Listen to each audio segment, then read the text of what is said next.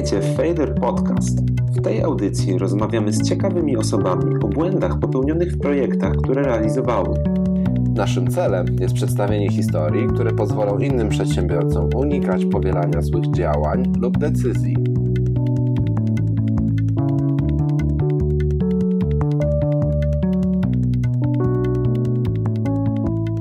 Cześć, dzień dobry lub dobry wieczór, zależy kiedy słuchacie tego odcinka.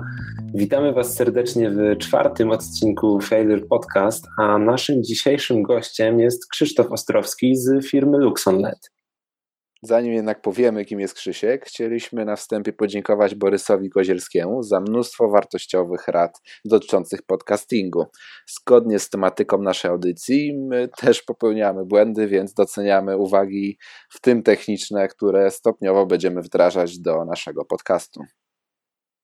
E, ja standardowo już przypomnę, że materiały do naszego kolejnego odcinka, opis, najważniejsze wnioski, linki do profilu naszego rozmówcy oraz do poruszanych tematów znajdziecie w opisie do odcinka pod adresem www.failurepodcast.pl ukośnik 004. A naszym dzisiejszym rozmówcą jest e, przedstawiciel środowiska spoza branży startupów technologicznych, więc dzisiaj skupimy się na błędach popełnianych też w innych branżach. Okazuje się, że wiele wniosków, do których dojdziemy, okaże się bardzo podobne do tych, e, których doszliśmy w branżach technologicznych. Zapraszamy do rozmowy.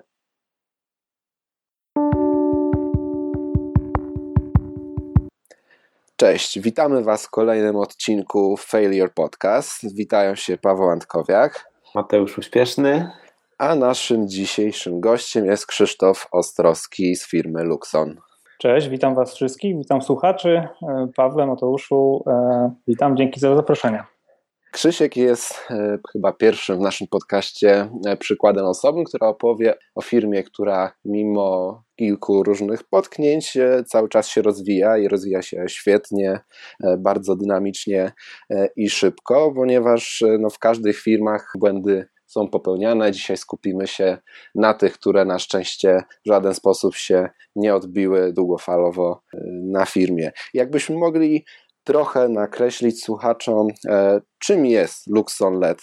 Jakbyś mógł, Krzyśku, pokrótce opowiedzieć historię, skąd się wzięła spółka, czym się zajmowała i czym się zajmuje na dzień dzisiejszy. Jasne. E, więc Luxon LED to jest spółka, która działa w dosyć tradycyjnej branży. Myślę, że w odróżnieniu od tego trendu, którym e, do tego typu podcastów zapraszane są głównie osoby, które działają w branży, branży technologicznej, e, tym bardziej jestem miło zaskoczony, że, e, że, że, udało mi się z wami, że uda mi się z wami porozmawiać, bo jestem reprezentantem ewidentnie tej bardziej standardowej branży, to znaczy branży elektrotechnicznej, branży oświetleniowej. Luxon to jest spółka, która od 8 lat e, produkuje, projektuje i sprzedaje oprawy oświetleniowe w technologii LED, czyli technologii diodowej, energooszczędnej. E, no i tak naprawdę y, jej początki sięgają absolutnie, y, tak jak się zresztą mówi o, o niektórych spółkach, które y, fajne, duże sukcesy osiągają na skalę globalną, które zaczynały od garażu, tak my zaczynaliśmy od przysłowiowej piwnicy, a nawet nie przysłowiowej, bo to faktycznie było pomieszczenie o wymiarach 2 na 2 w którym e, staraliśmy się gdzieś tam te swoje pierwsze projekty e, wdrażać. No dzisiaj jesteśmy spółką, która trochę urosła. To oczywiście dalej nie jest jakaś duża korporacja, ale zatrudniamy osób 40 e, i powoli generujemy e, sympatyczne wzrosty, jeżeli chodzi o zarówno przychód, jak i rentowność. E, no i co jest chyba najciekawsze i najfajniejsze, utrzymujemy duże tempo wzrostu, bo w zasadzie rok do roku zwiększamy tę spółkę razy dwa. No i z tym wiąże się wiele zarówno błędów, bo one są nieuniknione, i o których dzisiaj będziemy trochę rozmawiać, e, jak i wiele takich bardzo pozytywnych aspektów, które też trzeba podkreślać w działalności biznesowej. My generalnie sprzedajemy nie tyle sam produkt, e, który, którym jest to prawo oświetleniowa, ile też oszczędność energetyczną, czyli przychodząc do klienta, mówimy mu, że w skali załóżmy 3 czy 5-letniej jest w stanie oszczędzić konkretne pieniądze, inwestując w nasze oświetlenie na zużyciu prądu. Ja w tej spółce jestem praktycznie od początku e, i aktualnie jestem wiceprezesem zarządu i osobą odpowiedzialną za działkę produkcyjną, finansową i administracyjną. Trochę ta działka jest szeroka, ale siłą rzeczy e, no tak to wygląda od początku tak naprawdę, kiedy zespół jest mały, e, są duże obszary odpowiedzialności, one potem się jakoś sensownie zawężają. No ale dzisiaj odpowiadam za dosyć duży sektor e, w tej, w tej spółce. Tworzysz firmę ze wspólnikami praktycznie od okresu studiów, wcześniej nie pracując w innym miejscu. Na pewno uczyliście się w dużej mierze na swoich własnych błędach i gdzieś także wspomniałeś, że studia nie gwarantują tego sukcesu. Co byś doradzał młodym przedsiębiorcom? Takie przewrotne pytanie, często kontrowersyjne, którzy czują się tymi przedsiębiorcami. Studiować czy nie studiować? Pracować po studiach, czy od razu rozwijać swoją własną firmę? Wiesz co, to, to pytanie ma chyba dwa aspekty, dlatego je troszeczkę y, rozbiję, bo rzeczywiście jest tak, że, y, że ja tę spółkę prowadzę razem z moimi partnerami czy moimi wspólnikami od okresu studiów i rzeczywiście jest tak, jak powiedziałeś, że uczyliśmy się w przeważającej większości albo i praktycznie w całości na popełnionych przez siebie e, błędach. I też właśnie dlatego uważam, że podcast, który stworzyliście, jest jakby bardzo cenny, bo mm, uczenie się nie tylko na własnych błędach, ale też na błędach innych e, ma ogromną, ogromną wartość. Nie wiem, czy przypominacie sobie kiedyś e, taki fajny obrazek z Nine Gaga, w którym dziennikarka pyta e, prezesa zarządu pewnej spółki, jaki jest sekret twojego sukcesu? I ona, ona jej odpowiada dwa słowa, tak? Ona się pyta, jakie to są słowa? On mówi, y, prawidłowe i właściwe decyzje. Na to dziennikarka y, pyta, y, no dobrze, ale w jaki sposób i na jakiej podstawie podejmujesz te, te dobre decyzje, tak? Ten prezes odpowiada, że na podstawie doświadczenia.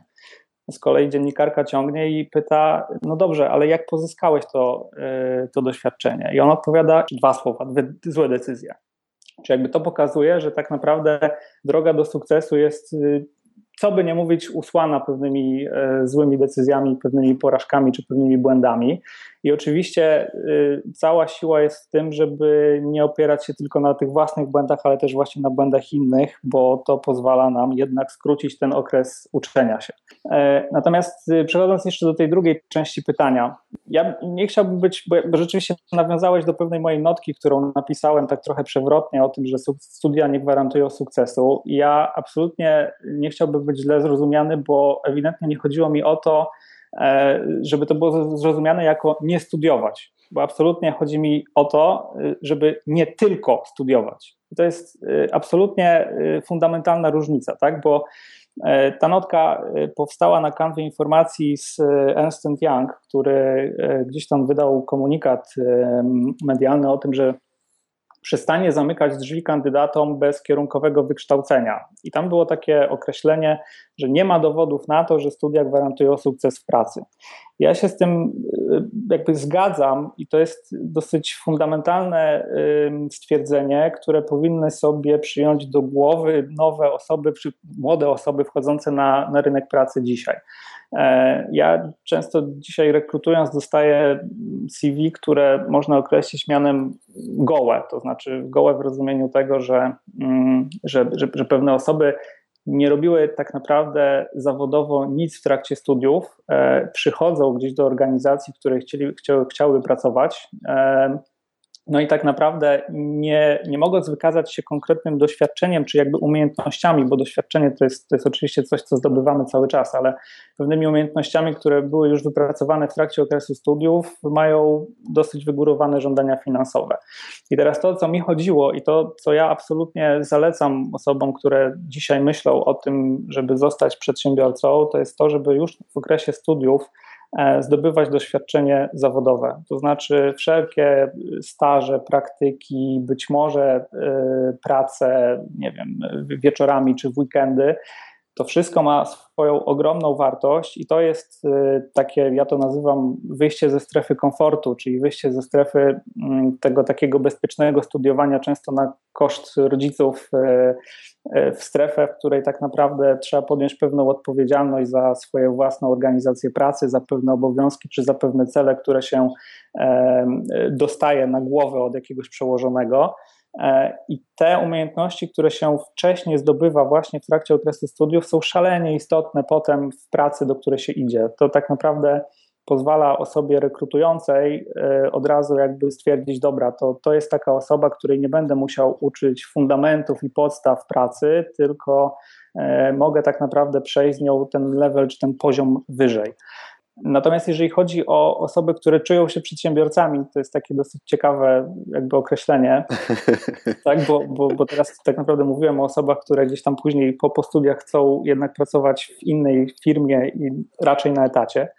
Natomiast te osoby, które czują się przedsiębiorcami, czyli ja to rozumiem tak, że chciałyby e, gdzieś w przyszłości prowadzić swój własny biznes, to ewidentnie korzystanie z doświadczeń w innych organizacjach, tylko bardzo świadomie wybieranych, to znaczy nie takich, gdzie powiedzmy bierze się serwis Pracuj czy jakikolwiek inny i, i masowo spamuje CV do tych organizacji, tylko jednak takie bardzo punktowe wybieranie tych organizacji, które mogą się e, przydać w budowaniu swojego własnego doświadczenia czy swojego bagażu umiejętności.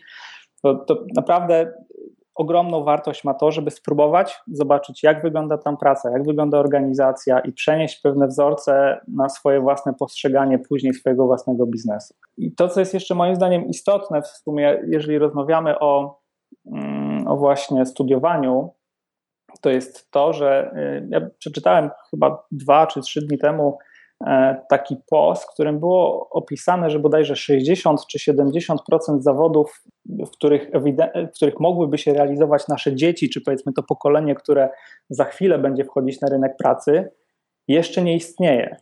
I to oznacza, że my musimy sobie też e, bardzo wcześnie kształtować pewną umiejętność adaptacji do jakby otaczającej nas rzeczywistości, która, która ciągle się zmienia. I to jest też pewien komunikat do osób, które, e, które gdzieś zaczynają studiować, czy myślą o kierunku studiów, że tak naprawdę to nie do końca będzie determinowało to, czym będziecie się zajmować w przyszłości. To znaczy, że musicie sobie wykształcić pewien bagaż y, takich, powiedzmy sobie, uniwersalnych umiejętności, które potem spowodują, że zmiana zawodu, czy nie wiem, zmiana profesji, czy zmiana kierunku działalności, czy zmiana projektu, którym się zajmujecie, to nie będzie jakaś, y, nie wiem, ogromna przeszkoda, tylko wręcz będziecie w stanie bardzo szybko y, jakby przerzucić się na nowy tor i spróbować czegoś nowego. Szeroka odpowiedź, dzięki wielkie za, za, za te informacje. Ja bym jeszcze chwilę pozostał przy tym temacie związanym właśnie z szeroko rozumianym HR-em, ale trochę bardziej od strony przedsiębiorcy jako założyciela prowadzącego firmę. Wspomniałeś wcześniej, że wasz zespół jest około 40-osobowy. To jest chyba w tym momencie najliczniejszy zespół, najliczniejszy typ projektu, z jakim mieliśmy do czynienia w naszym podcaście. Ja chciałbym dopytać o to, jakie błędy wy popełniliście podczas rekrutacji, bo na pewno jakieś popełniliście i w którym momencie jest najlepszy moment na podjęcie decyzji o tym, że warto rozszerzyć ten zespół, warto dorekrutować kolejne osoby? Oczywiście w samym procesie rekrutacji i potem prowadzenia zespołów jest ogrom błędów, które my popełniliśmy i tak naprawdę jednym z kluczowych i pierwszych błędów jest to, że nie zwracaliśmy praktycznie w ogóle uwagi na pewną analizę motywacyjną w trakcie procesu rekrutacji. To wydaje się jakby bardzo podstawowym pojęciem. Analiza motywacyjna to jest jakby to, ten, ten zakres pewien, pewnych e, potrzeb czy cech, które powodują, że dana osoba jakby chciałaby przejść na to stanowisko, czy dołączyć do naszej organizacji, a potem się w niej spełniać. I teraz y, ja absolutnie zwracam uwagę na to, że w procesie rekrutacji i potem w procesie prowadzenia zespołu, czy w procesie zarządzania zespołem, absolutnie najistotniejszą kwestią jest to, żeby znać swoich ludzi i wiedzieć, co tak naprawdę ich motywuje do pracy. E, I to tak naprawdę była pewna bolesna y, lekcja związana z pierwszymi rekrutacjami, gdzie e, my dołączaliśmy do naszego zespołu osoby dużo starsze, takie, które teoretycznie miały dużo większe kompetencje niż my, no bo siłą rzeczy miały doświadczenie z e, różnych poprzednich e, prac, natomiast ich motywacja absolutnie nie przystawała do naszego zespołu. To znaczy oni, no jakby być może chcieli, powiedzmy sobie, przez pewien czas zagrzać pewną ciepłą posadkę do emerytury, bądź też, nie wiem, zarobić w krótkim okresie czasu pewne duże pieniądze, ale tak naprawdę nie czuli się częścią składową zespołu i częścią składową tak naprawdę tego projektu, który stale, stale wzrastał i miał pewną wizję i pewną, pewną misję i pewien cel.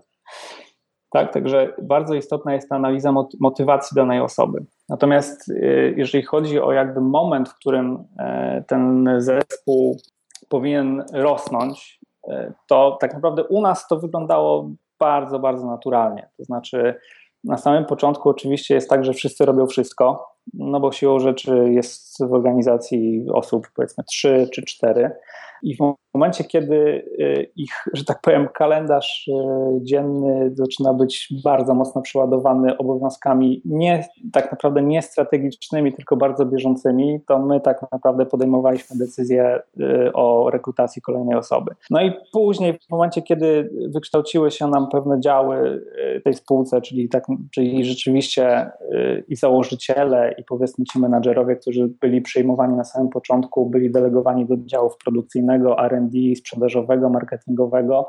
Ich gestii było dookreślanie tego momentu, kiedy ten zespół powinien rosnąć dalej.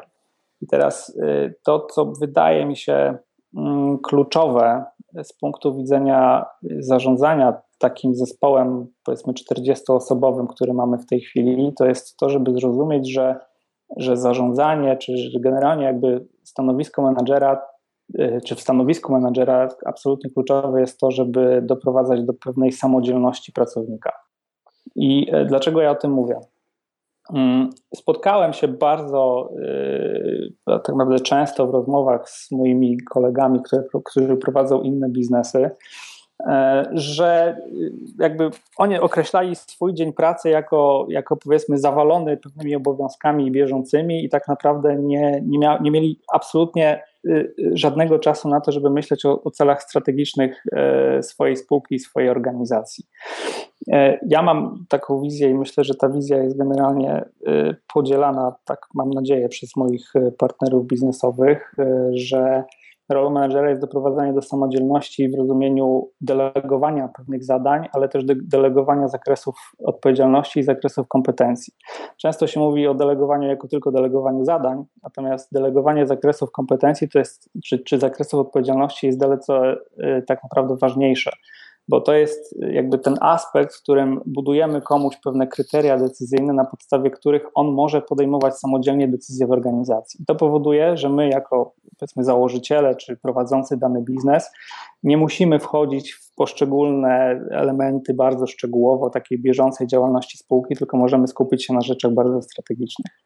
Rozwój e, Luxona było ścieżką przez szukanie właściwych produktów dla właściwych e, odbiorców. Jakbyś mógł troszkę powiedzieć, w jaki sposób wy szukaliście swojego właściwego e, miejsca na rynku, właściwych klientów i jakie największe błędy popełniliście w trakcie tego procesu? Wiesz co, wbrew pozorom, my swoje miejsce znaleźliśmy bardzo szybko. To znaczy, my tak naprawdę od samego początku wiedzieliśmy, że y, działamy na rynku, który jest rynkiem stricte B2B, czyli business to business, że tak naprawdę nie produkujemy swoich wyrobów pod klienta tak, takiego y, indywidualnego. E, czyli nie działamy na rynku B2C.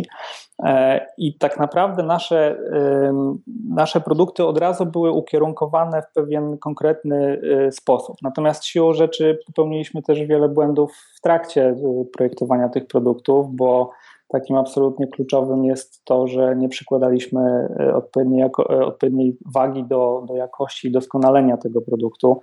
I to myślę, że zarówno w tych tradycyjnych branżach, takich jak, jak ta, którą się obecnie zajmuję, jak i branży technologicznej, ma absolutnie kluczowe znaczenie. Czyli to, jak klient odbiera ten Twój finalny wyrób, e, determinuje to, jaką pozycję na rynku jesteś w stanie znaleźć. I ja mam nawet jeszcze inną obserwację, że to, jak podchodzisz do produktu e, i jego tworzenia, i całych tych procesów, które są z tym związane, przekłada się też trochę na jakby pewną organizację wewnętrzną y, spółki i pewną kulturę organizacyjną, którą się y, jakby ciągnie za sobą. To znaczy, jeżeli tak naprawdę uważasz, że twój produkt może się psuć, czyli czy możesz go nieestetycznie zapakować, czy możesz wypuścić coś, co jest absolutnie, wiesz, że jest wadliwe, no to siłą rzeczy twoi ludzie, którzy widzą takie, a nie inne podejście, w swoich sferach organizacyjnych, czy tych sferach, w których mają kompetencje do podejmowania decyzji, będą tak naprawdę przenosili pewne wartości nie, nie, niedoskonałe, tak, i będą podejmowali decyzje w oparciu o inne kryteria decyzyjne, nie te, których się spodziewasz, które tak naprawdę dążą do ciągłego doskonalenia jakości. Czy mieliście taką sytuację, gdzie na przykład zaprojektowaliście, wyprodukowaliście jakiś produkt, lampę, oprawę, która okazała się totalnym, nietrafionym produktem w stosunku do tego, czego poszukiwali klienci?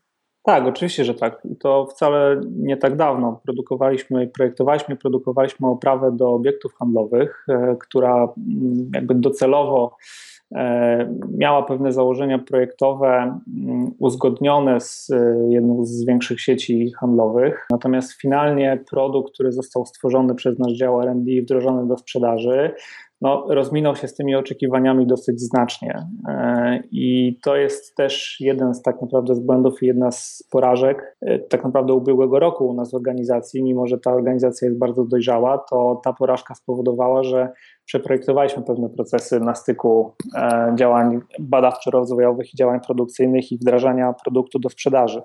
Czyli tak naprawdę z tego konkretnego przypadku lekcja jest taka, że nie dość, że jakby nie wystarczy tylko słuchać rynku, e, ale też swoje własne procesy wewnętrzne trzeba tak dostosować, żeby finalny produkt e, jakby odpowiadał tym oczekiwaniom rynku we wszystkich aspektach. Nam tego zabrakło. E, no skutek był taki, że, że zatowarowana oprawa tak naprawdę leży po dziś dzień i próbujemy znaleźć dla niej pewne ujście czy pewien kanał, w którym mogłaby się jeszcze sprawdzić. Czy w przypadku produkcji opraw macie jakiś sprawdzony sposób, e, który mógłbyś się podzielić, który sprawia, że te produkty zgadzają się później z oczekiwaniami klienta? Tak, czyli jak w informatyce mamy e, zwinny sposób produkcji i oprogramowania, czy coś takiego w firmach, które produkują fizyczne przedmioty również istnieje? Tak, znaczy to, to jest tak naprawdę proces, który jest dosyć podobny. To znaczy, on na początku zakłada pewną konsultację rynkową i konsultację w zakresie zespołu sprzedażowego, czyli tego, który ma bezpośrednią styczność z rynkiem i z klientem. I on jest tak naprawdę poprowadzony przez kolejne fazy, w których e, te wewnętrzne działy organizacji e, mogą się na temat tego produktu w kolejnych fazach tworzenia wypowiedzieć.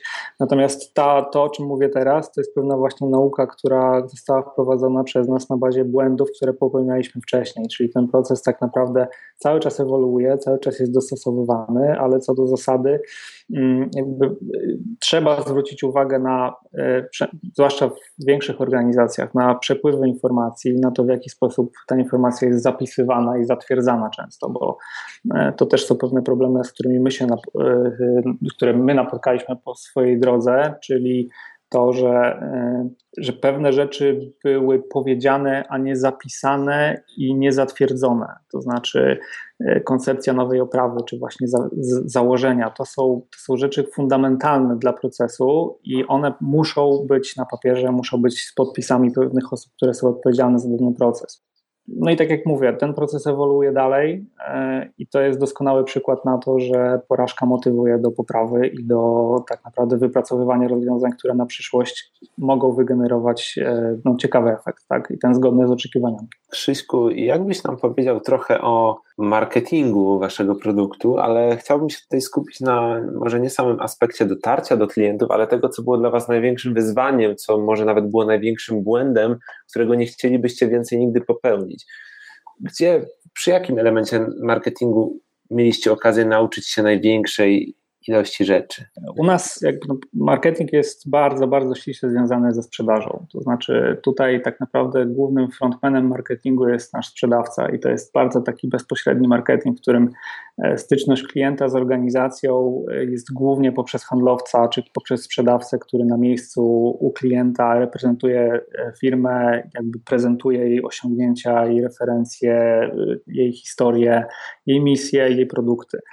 To jest y, trochę inna organizacja marketingu niż ta opierająca się na przykład w spółkach technologicznych na marketingu stricte internetowym.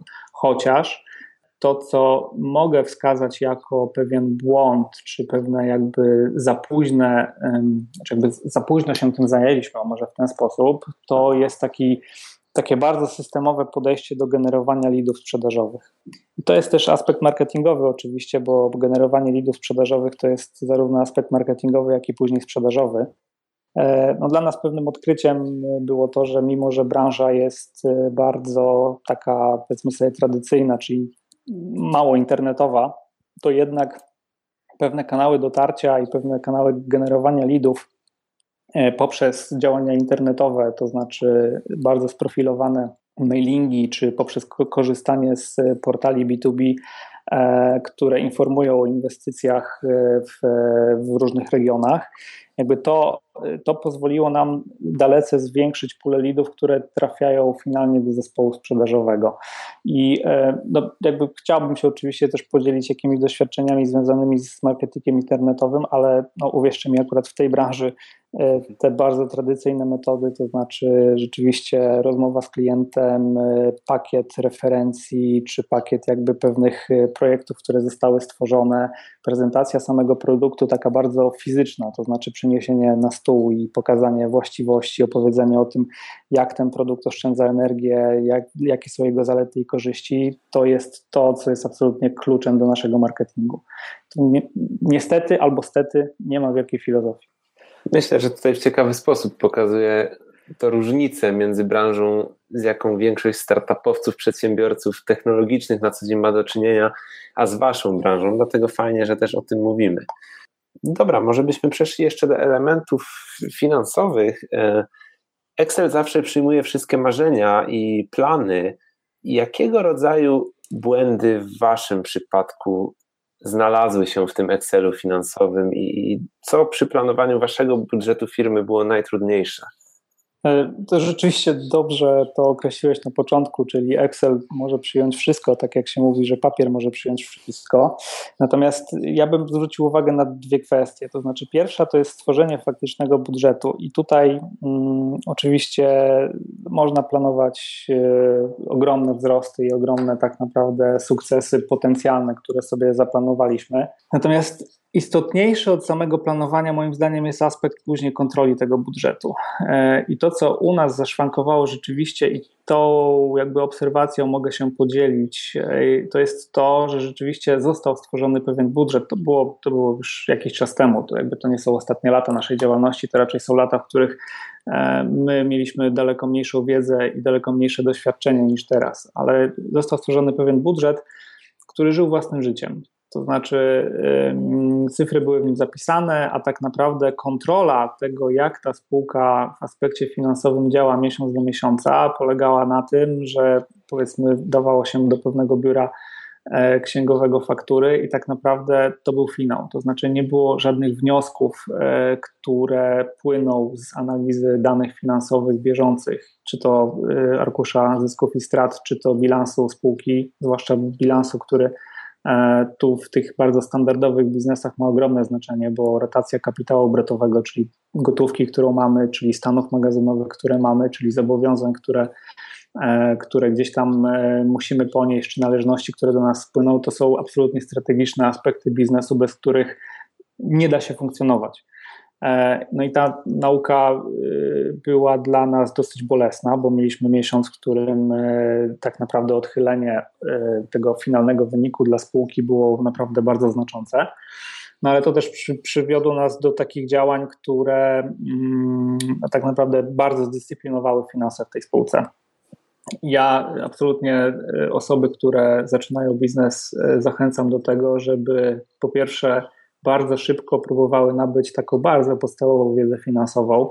I tu naprawdę nie trzeba być e, ogromnym ekspertem czy specjalistą, wystarczą podstawowe pojęcia z zakresu właśnie rachunku zysków i strat w spółce kapitałowej czy, czy bilansu, żeby wiedzieć po prostu, w którą stronę ta spółka, e, w którą stronę ta spółka idzie. I to jest jakby jeden aspekt. Drugi aspekt jest taki, że mm, przy planowaniu e, trzeba myśleć w przód, i to, to jest jakby oczywiste, ale to nie jest tylko aspekt jednego roku, tak? no bo, bo, bo wiele budżetów się robi powiedzmy na przyszły rok kapitałowy, a nie myśli się o tej przyszłości, która jest y, jeszcze dalej.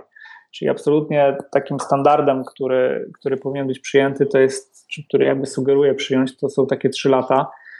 E, i myślenie o e, zarówno wynagrodzeniach, czy to swoich własnych, bo ja też miałem akurat, czy mieliśmy taki aspekt, w którym e, zaplanowaliśmy pewną kwotę na wynagrodzenia zarządu, która wydawała nam się niebotycznie duża, a w momencie, kiedy powiedzmy sobie, wkraczaliśmy w, w kolejne fazy rozwoju tej spółki, e, kiedy zatrudnialiśmy osoby, które zarabiały daleko większe pieniądze niż my, no, stała się pewnym problemem motywacyjnym. Czyli to, to jest coś, na co po prostu trzeba patrzeć w dużo większej skali e, czasowej. Podobnie jest e, z, czy to z powierzchniami biura, czy powierzchnią hali produkcyjnej, którą się projektuje i, i powiedzmy buduje I podobnie jest y, tu z tym, nowi przedsiębiorcy mogą się ewidentnie spotkać z wielkością e, kapitału zewnętrznego, który pozyskuje się do spółki. Tak? My też mieliśmy taki okres, w którym, e, w którym poszukiwaliśmy i znaleźliśmy inwestora strategicznego, finansowego,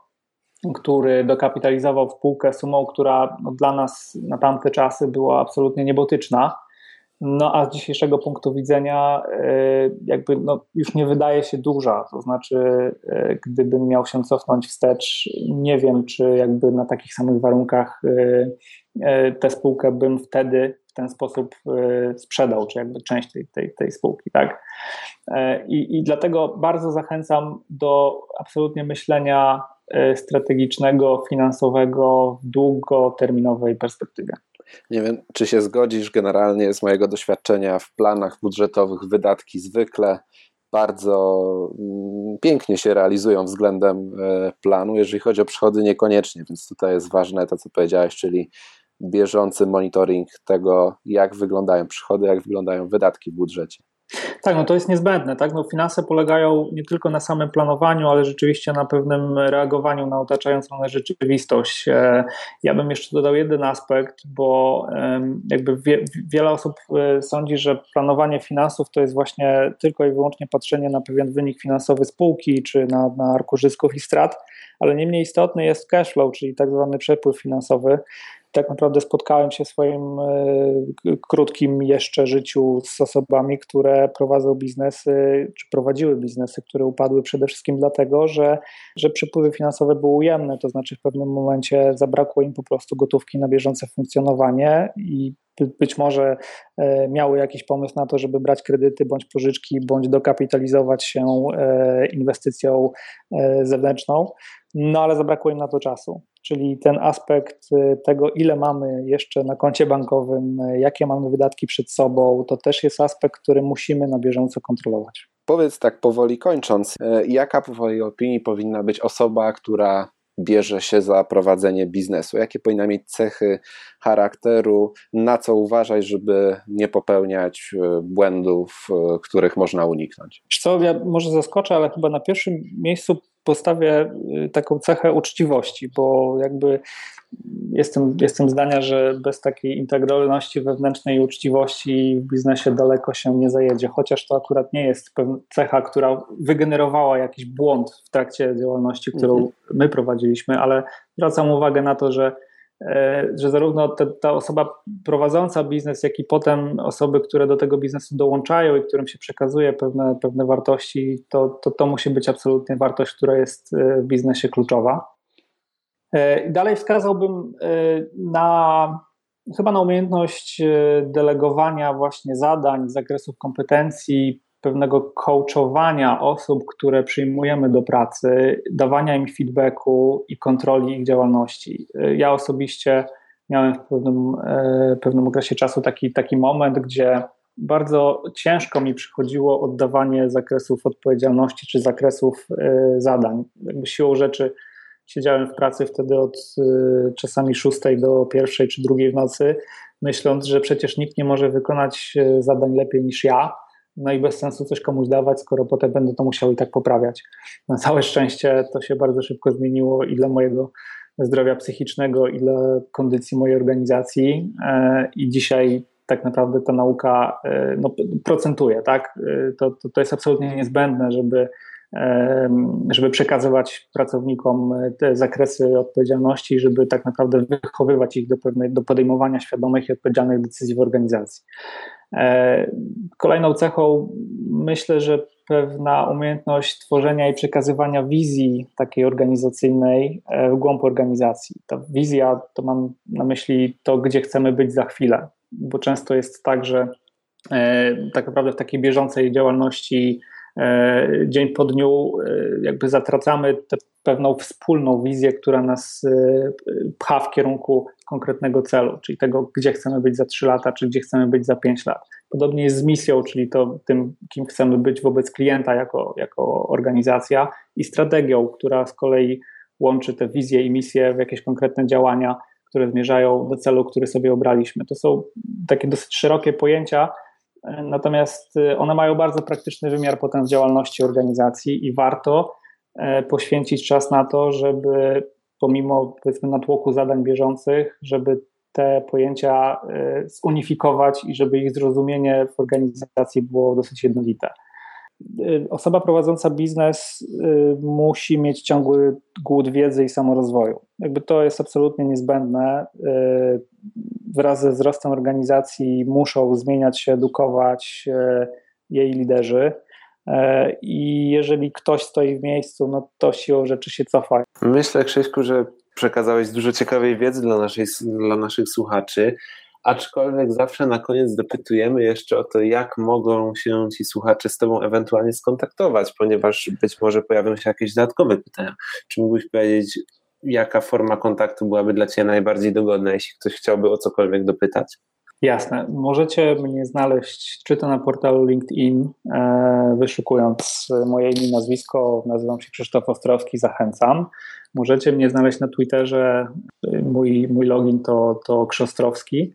E, a być może niebawem będziecie mogli poczytać trochę kilka słów ode mnie, bo, bo gdzieś tam w pierwszym kwartale tego roku e, też planuję mm, być może napisanie kilku słów w formie e, notek czy w formie bloga. Może bloga to za dużo powiedziane, bo, bo jeszcze zobaczymy, co z tego wyniknie, ale no, chciałbym podzielić się też swoimi spostrzeżeniami związanymi z prowadzeniem biznesu. Także Zachęcam ewidentnie do kontaktu. Ja bardzo lubię poznawać nowe osoby i bardzo lubię pomagać w różnych, w rozwiązywaniu różnych problemów czy wyzwań biznesowych, także jestem na to absolutnie otwarty.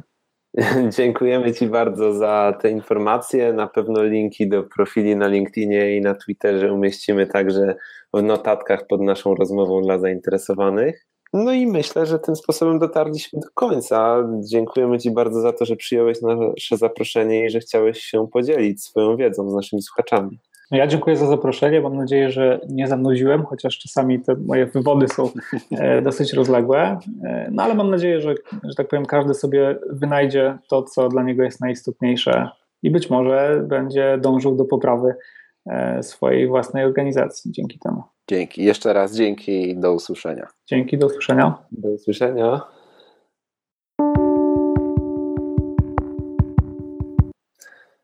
Dzięki za wysłuchanie kolejnej rozmowy. Przypominam, że na failurepodcast.pl ukośnik 004 znajdziecie już podsumowanie tego odcinka oraz linki do wszystkich powiązanych materiałów. No i pamiętajcie, że możecie nas ocenić w iTunes. Wysokie oceny pozwalają nam dotrzeć do większej ilości osób zainteresowanych uczeniem się na cudzych błędach. W kolejnym odcinku porozmawiamy z Mateuszem Warcholińskim z Brain Hub, który dłuższy czas rozwijał swoje projekty w Monachium. Dzięki, że byliście z nami i słyszymy się już za dwa tygodnie. Pamiętajcie też, żeby podzielić się informacją o nas ze znajomymi. Wrzucamy trochę cytatów i informacji na naszym Facebooku, więc będziemy wdzięczni za wszelkie szery. Dzięki i do, do usłyszenia.